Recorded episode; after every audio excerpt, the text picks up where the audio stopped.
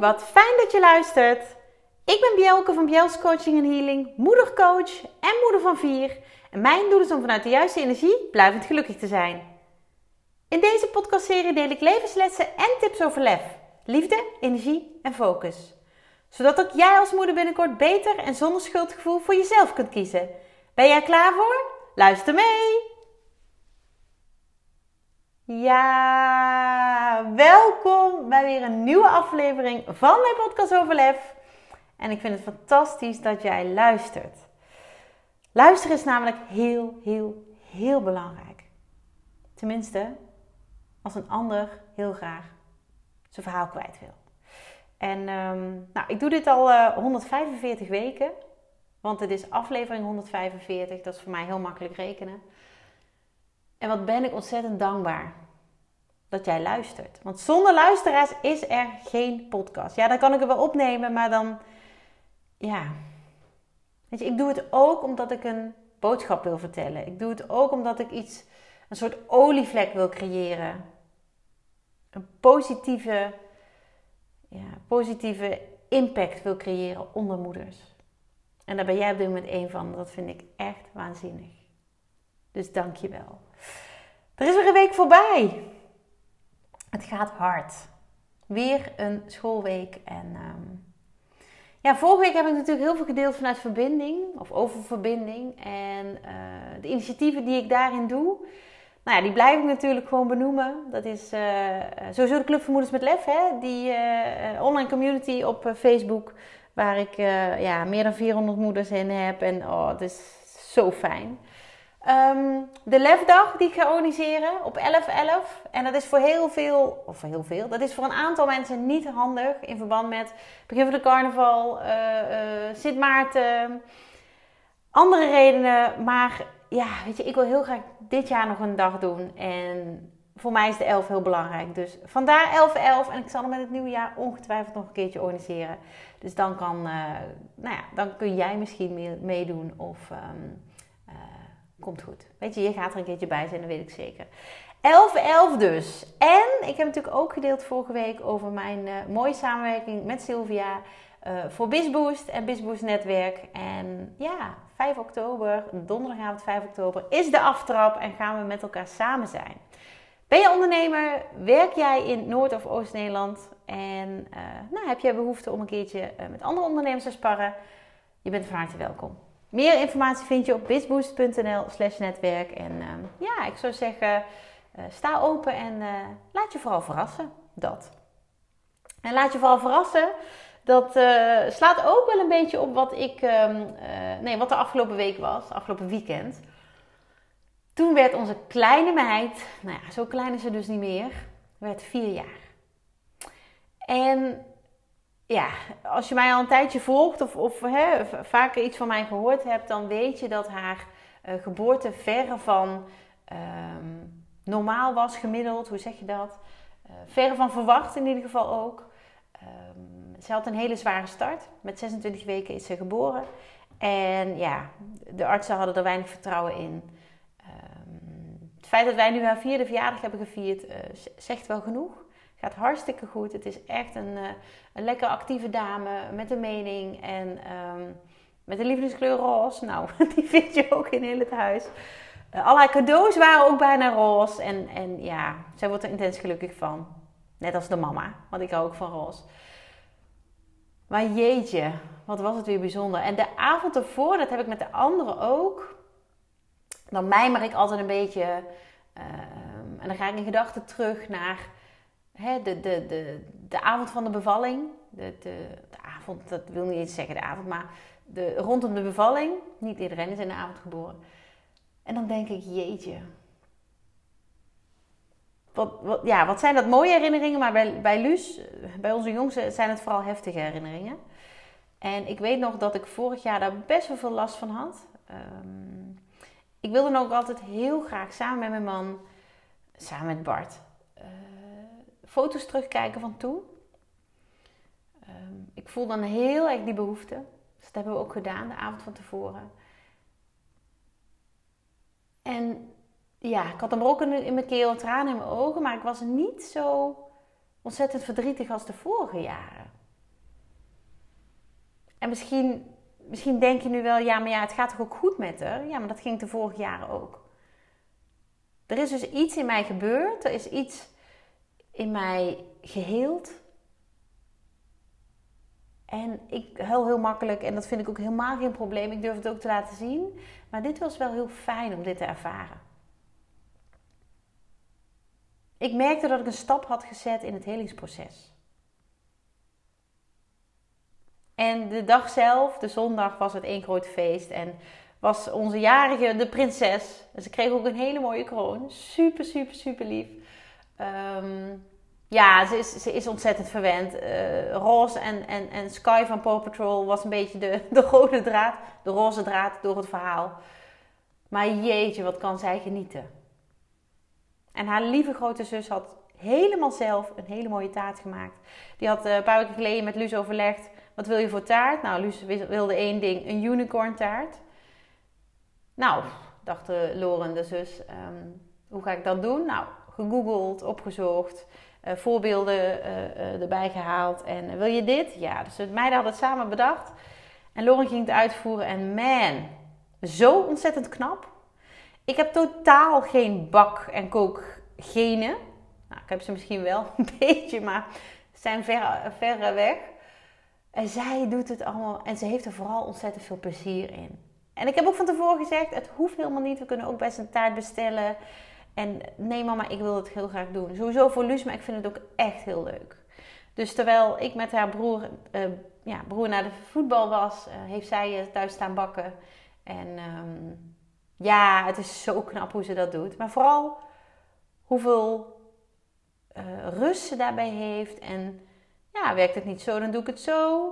Nou ja, als je mijn foto op Instagram en Facebook heb je het resultaat gezien. De eerste bestellingen zijn al binnen.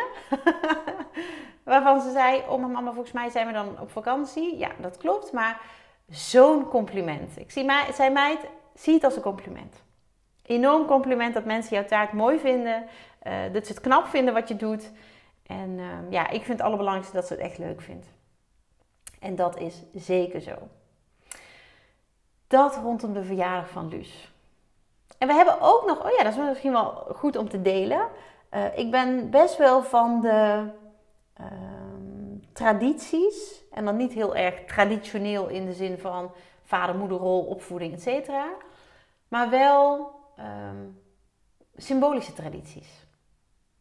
En rondom Luus de verjaardag hadden we eh, de afgelopen jaren een traditie. Namelijk dat we samen met haar uh, het ziekenhuis bezochten waar zij te, ter wereld is gekomen.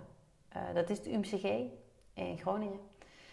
En dat hebben we vorig jaar gedaan, dat hebben we toen ze twee was gedaan, dat hebben we toen ze één werd gedaan. En dat was heel emotioneel. Ik vond het ook best heftig terug te gaan naar de plek waar zij ja, zo lang gelegen heeft, ter wereld is gekomen, zo lang gelegen heeft. En nou ja, waar heel veel tranen van ons hebben gevloeid. Waar we heel veel angsten hebben gehad. Waar we ja, echt tussen hoop en vrees hebben geleefd. En die, die, die uitspraak of gezegde of spreekwoord, ik weet niet hoe je, het, hoe je het zegt. Ja, die heb ik echt tot in het diepst van mijn ziel gevoeld. Um, en dat, dat, ja, dat, dat, was, dat werkte ook wel helend. En vorige week had ik um, even een gesprekje met mijn man, met Bart erover. Ik zeg steeds mijn man, maar jullie weten inmiddels echt wel dat hij Bart heet wat willen we daarmee? Want ze was op zondag jarig, visite zou op zondag komen. Nou, weet je, als je naar zo'n ziekenhuis gaat, uh, hè, we hebben er elk jaar uh, gebakjes gebracht uh, met een foto van Luus erbij. En nou ja, er werden steeds minder. Um, je, je, bent natuurlijk afhankelijk van wie de dienst heeft op die dag. En we hebben elke keer verpleegkundigen gezien en gesproken, en artsen trouwens ook, die haar behandeld hebben, die haar ja, zo ontzettend liefdevol verzorgd hebben. En die zich Luus ook nog konden herinneren. En dat was echt heel bijzonder. En één of twee weken geleden had ik daar met eh, Bart een gesprek over. zei, wat gaan we daarmee doen? En toen zei hij, en dat vond ik heel mooi, want daar had hij echt wel over nagedacht. Toen zei hij, ik wil het met alle liefde doen als jij dat wil. Maar voor mij hoeft het niet, want en daar zat hem de angel. inmiddels is de afdeling eh, neonatologie, waar Luus heeft gelegen, dus de, IC voor de, voor de prematuren en dismaturen, voor de pasgeborenen, die is binnen het ziekenhuis verhuisd. Uh, dat is niet meer één grote afdeling, dat zijn kleine uh, kamers. Dus het is niet meer de setting, de situatie, de plek waar wij al die weken zijn geweest. En hij zegt, ja, ik, ik voel dat niet daar. En wat er op dit moment op de plek is gekomen waar zij uh, wel gelegen heeft uh, in het ziekenhuis, dat, dat weten we eigenlijk niet. Um, maar hij zei het en toen voelde ik, ja, ik, ik deel die mening. Ik deel die mening. Dus wat we wel hebben gedaan is de avond ervoor foto's gekeken en filmpjes van de eerste dagen van Luus. En dat was al heftig genoeg. En we hebben toen ook nog wel eventjes stilgestaan bij hè, de afdeling, de lieve verpleegkundigen, artsen, uh, iedereen ja, hè, die, die zo meeleefde en um, zo ontzettend kundig het werk heeft gedaan. Maar we zijn dus niet meer met Luus daar naartoe gegaan. En normaal gesproken vind ik het heel moeilijk om dan zo'n um, ja, traditie te doorbreken, maar dit was gewoon goed. Het was goed. Ik heb het die eerste jaren ook echt nodig gehad om het te verwerken. En nu als thuis zijn met, met, met hè, de wetenschap dat het Luus zo goed gaat. Eigenlijk boven verwachting. Ze is gewoon op een reguliere school begonnen. Um, ja, weet je, het is, het is echt bizar. Het is echt bizar. En het voelde gewoon goed om het zo te doen. Om dus niet naar het ziekenhuis te gaan. En in gedachten wel stil te staan bij die momenten. Dat was gewoon goed. Dus ik was heel blij dat mijn man zo goed, dat Bart er zo goed over nagedacht had. En uh, ja, dat we op de, deze manier ook het, uh, het besluit konden nemen. Dus dat voelde helemaal goed. En dat is echt hoe wij ons leven zijn gaan leven. Vanuit gevoel. Weet je, traditie is leuk, maar voelt het nog goed? Voelt het nog goed? En het sluit meteen aan op een hele mooie documentaire die ik volgens mij voor de derde, vierde, vijfde keer al zag. Um, ja, documentaire, het is meer een talk op Netflix van Brené Brown. Ik heb al vaker iets over haar gedeeld. Ik vind haar een waanzinnig um, mooie vrouw. Zij is een wetenschapper, zij is een onderzoeker en zij heeft zo ontzettend veel wijsheden, maar die dus wel onderbouwd zijn. Zij heeft onderzoek gedaan, 20 jaar lang volgens mij, naar schaamte, naar kwetsbaarheid, naar moed en naar, nou, weet ik even niet. Maar wat een waanzinnig onderwerp. Ingewikkeld, tenminste ontzettend uitdagend. Maar wat een bijzonder werk doe je dan. En ik keek die, die talk, ik heb volgens mij in drie delen gekeken dit keer. Um, als ik dan televisie kijk, dan wil ik echt wat ja, nuttigs kijken. Dat klinkt ook een beetje gek. Weet je, ik kijk ook echt wel eens uh, uh, met, uh, met Loren en Luus, want die vinden dat leuk. Een huis vol. Net een moment voordat Luus naar bed gaat of zo, dan kijken we even een huis vol. En dat klinkt heel gek wat ik nu ga zeggen, maar dat geeft mij altijd weer het idee van: oh, nou weet je, bij ons thuis, het gaat eigenlijk wel prima we hebben dan slechts vier kinderen. Dat zijn gezinnen met acht, negen kinderen. Eén uh, gezin heeft volgens mij elf kinderen. Dat ik denk, oh nou, ik kan gewoon, uh, hè? Bij ons valt het allemaal wel mee qua drukte en qua... Uh, dat is wel grappig om, om bij jezelf te merken. Um, maar ik kijk dus het liefst dingen die mij ehm, ja, iets bijbrengen. Waar ik, waar ik van leer. En Brene Brown heeft zo'n mooie talk. Ze heeft al meerdere talks en ik heb ook meerdere van haar boeken gelezen. Zij is een inspiratiebron.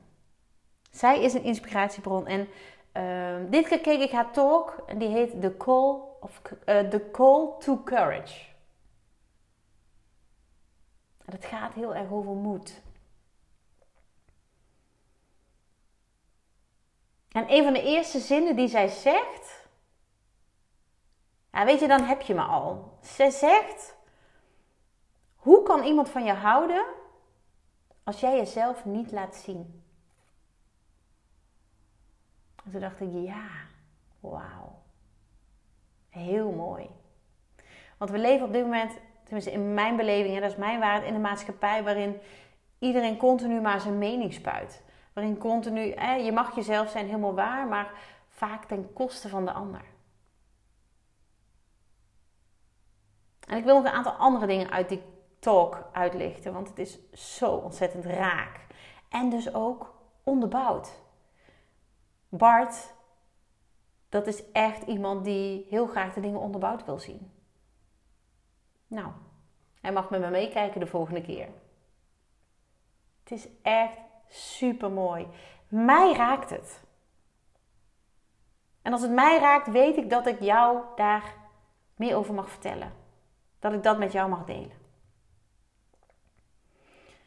Ze zegt ook zoiets moois als: kies moed boven comfort.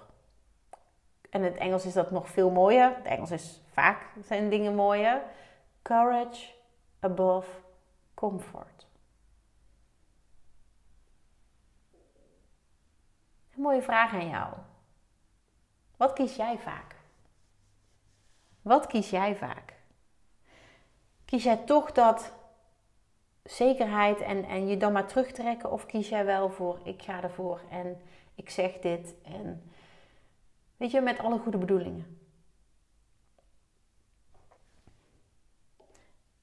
En het mooie is dat wij als moeders, en daarom vond ik hem ook de parallel zo mooi. Weet je, de, ze hadden het over moed en ik dacht alleen maar, ja, maar die moed zit ook in alle moeders. En ik denk nu opeens, het woord moed zit letterlijk natuurlijk in moeder. Maar hoe wij het leven, is niet moeder, maar moeder. Want we moeten zoveel van onszelf. Maar het woord moed in het Nederlands zit niet voor niks in het woord moeder. Weet je, jij hebt de moed. Je hebt een kind op de wereld gezet. Daar is ontzettend veel moed voor nodig geweest. Jij hè, bent onderdeel van de opvoeding van één of meerdere kinderen. Daar is moed voor nodig. Weet je, en laten wij als moeders nou gewoon ook de moed hebben om andere uitdagingen aan te gaan om bepaalde eh, barrières te doorbreken.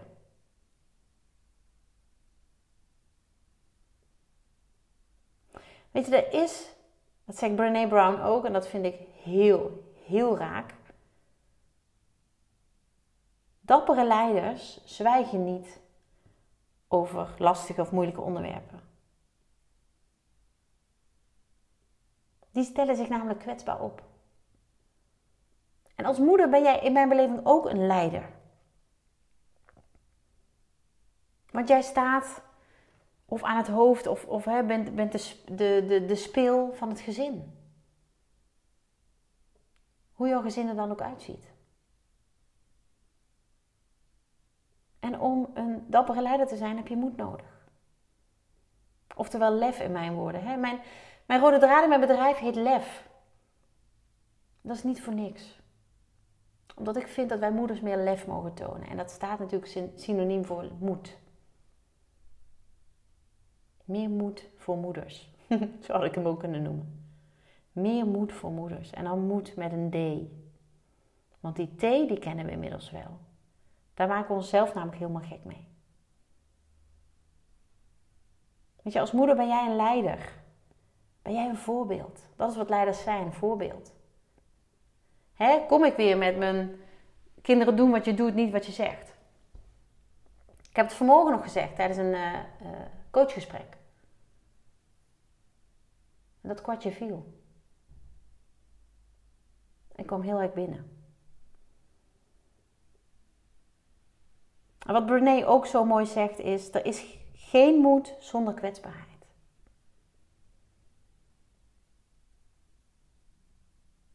En misschien herken je het wel. Dat jij vroeger hebt meegekregen, um, hé, je moet moedig zijn.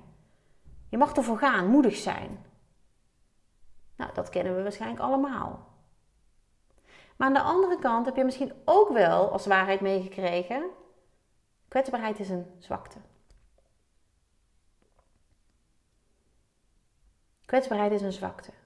En als ik dan Brene Brown hoor zeggen, er is geen moed zonder kwetsbaarheid, dan kan dat dus niet.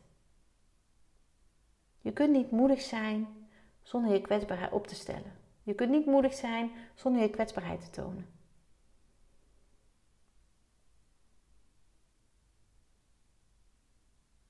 En kwetsbaar opstellen mag. Je kwetsbaarheid tonen mag. Het is een mythe dat kwetsbaarheid een zwakte is. En ik heb het aan de lijve ondervonden. Ik, ben ook, ik heb ook die waarheid hele lange tijd geloofd.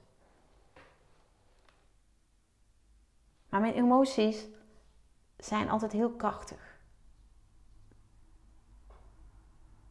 En ik ben mijn emoties gaan omarmen. Mijn emoties vertellen mij de weg. En daardoor is mijn kwetsbaarheid een kracht geworden. En mag ik er nu op dit moment ook ontzettend veel moeders mee helpen?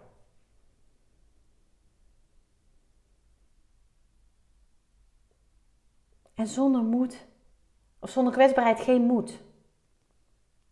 Dus als jij moed wilt tonen, wat een kracht, hè, wat als een kracht voelt, heb je kwetsbaarheid nodig. En uit het onderzoek van Brene Brown komt dat hè, vanuit de data, vind ik altijd heel interessant, hoe, weet je, hoe onderzoek je dat? Maar ze heeft onwijs veel interviews gehouden, die data verwerkt. Nou, heel verhaal. Je moet echt, gun het jezelf om dat een keer te bekijken. Vanuit de data komt naar voren dat kwetsbaarheid drie dingen is: onzekerheid, risico en om, uh, emotionele blootstelling. Dat is wanneer je kwetsbaar bent. Als je een van die drie, drie dingen voelt. Als je je onzeker voelt, als je risico voelt of als je voelt dat je emotioneel blootgesteld wordt. En dat is dus nodig om moed te tonen. Eén van die drie, misschien wel alle drie.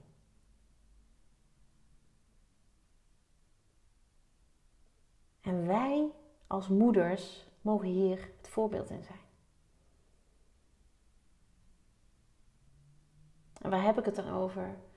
Um, dat zegt Brené Brown ook. Het is veel makkelijker om pijn te veroorzaken dan om pijn te voelen. Want om pijn te kunnen willen voelen, hè, om het te kunnen verwerken, zo zie ik het dan, daar is moed voor nodig. Je mag het gaan zien. Je mag het echt toelaten. Je mag het omarmen. Maar dat is vaak de weg van de meeste weerstand. Want dat hebben we of niet meegekregen, of we, hè, we, nou ja, we schamen ons daarvoor. Weer zoiets schaamte. Dus gaan we maar schoppen naar andere mensen. Omdat we er zelf niet mee om kunnen gaan.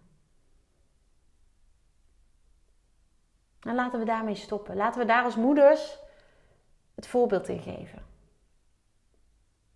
En sta jezelf toe om te gaan voelen. Hoe vaak ik een dame, een, een, een moeder mag begeleiden die zegt, als we een bepaald onderwerp aansnijden, dit heb ik volgens mij nog helemaal niet verwerkt. En dat is dan van tig jaar geleden. Ten eerste is het heel mooi en heel kwetsbaar dat ze dat aangeeft.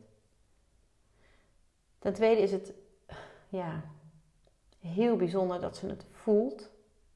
Want dat, dat, dat deel je niet zo, maar dat voel je ook echt. En ten derde vind ik het echt krachtig dat je daar dan ook mee aan de slag wil. Want dat betekent wel dat je het moet aankijken. Dat betekent wel dat je, dat je het. Je hoeft het niet te doorleven, dat, dat, daar ben ik helemaal niet van. Maar wel ehm, ja, het van onbewust bewust maken. Dus laten wij alsjeblieft als moeders de moed hebben om wat meer die pijn te voelen die er zit. Dat te gaan helen. En daarin een voorbeeld te zijn voor onze kinderen. Er is geen moed zonder kwetsbaarheid. Weet je, ik deel al jaren mijn, mijn eigen verhalen, mijn, mijn, mijn levenservaringen. stel mezelf kwetsbaar op. En daar vinden heel veel mensen iets van. Maar wat voor mij belangrijk is, is dat ik anderen daarmee help. Niet zodat zij zelf hun verhaal gaan delen in, de, in social media, op een website, maar wel dat ze wat ze hebben meegemaakt mogen gaan omarmen en verwerken. En omarmen is niet, ik keur het goed, hè? Dat is vaak ook een aanname, of in ieder geval een ja, verkeerde aanname.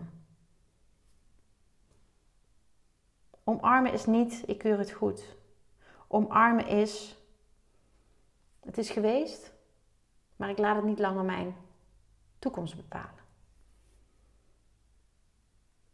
Ja, en dat is echt iets waar je moed voor nodig hebt. En ik geloof vanuit de grond van mijn hart dat die moed in alle moeders zit.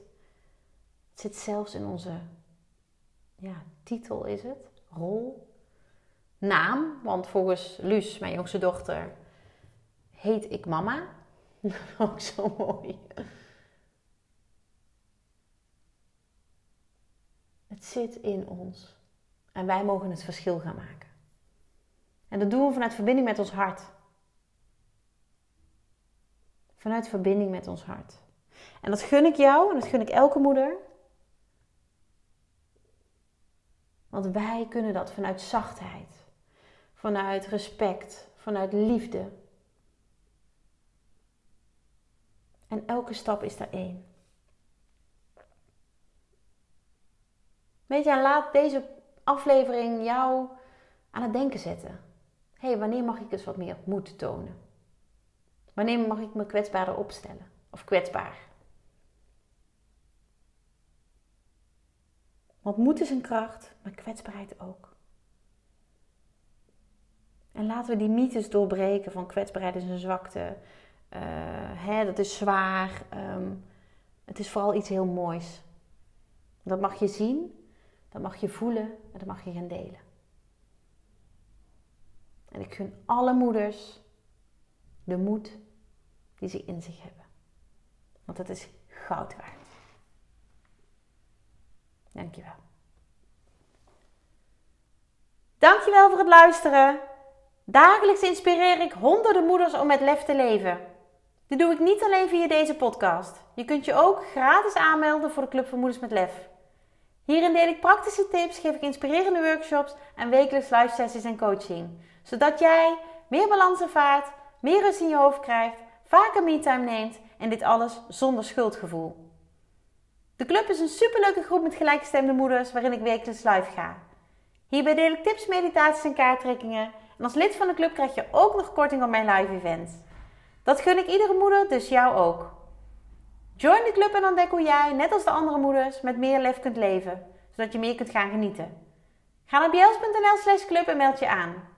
Ik heet je graag van harte welkom. Nogmaals, dankjewel voor het luisteren en heel graag tot de volgende keer.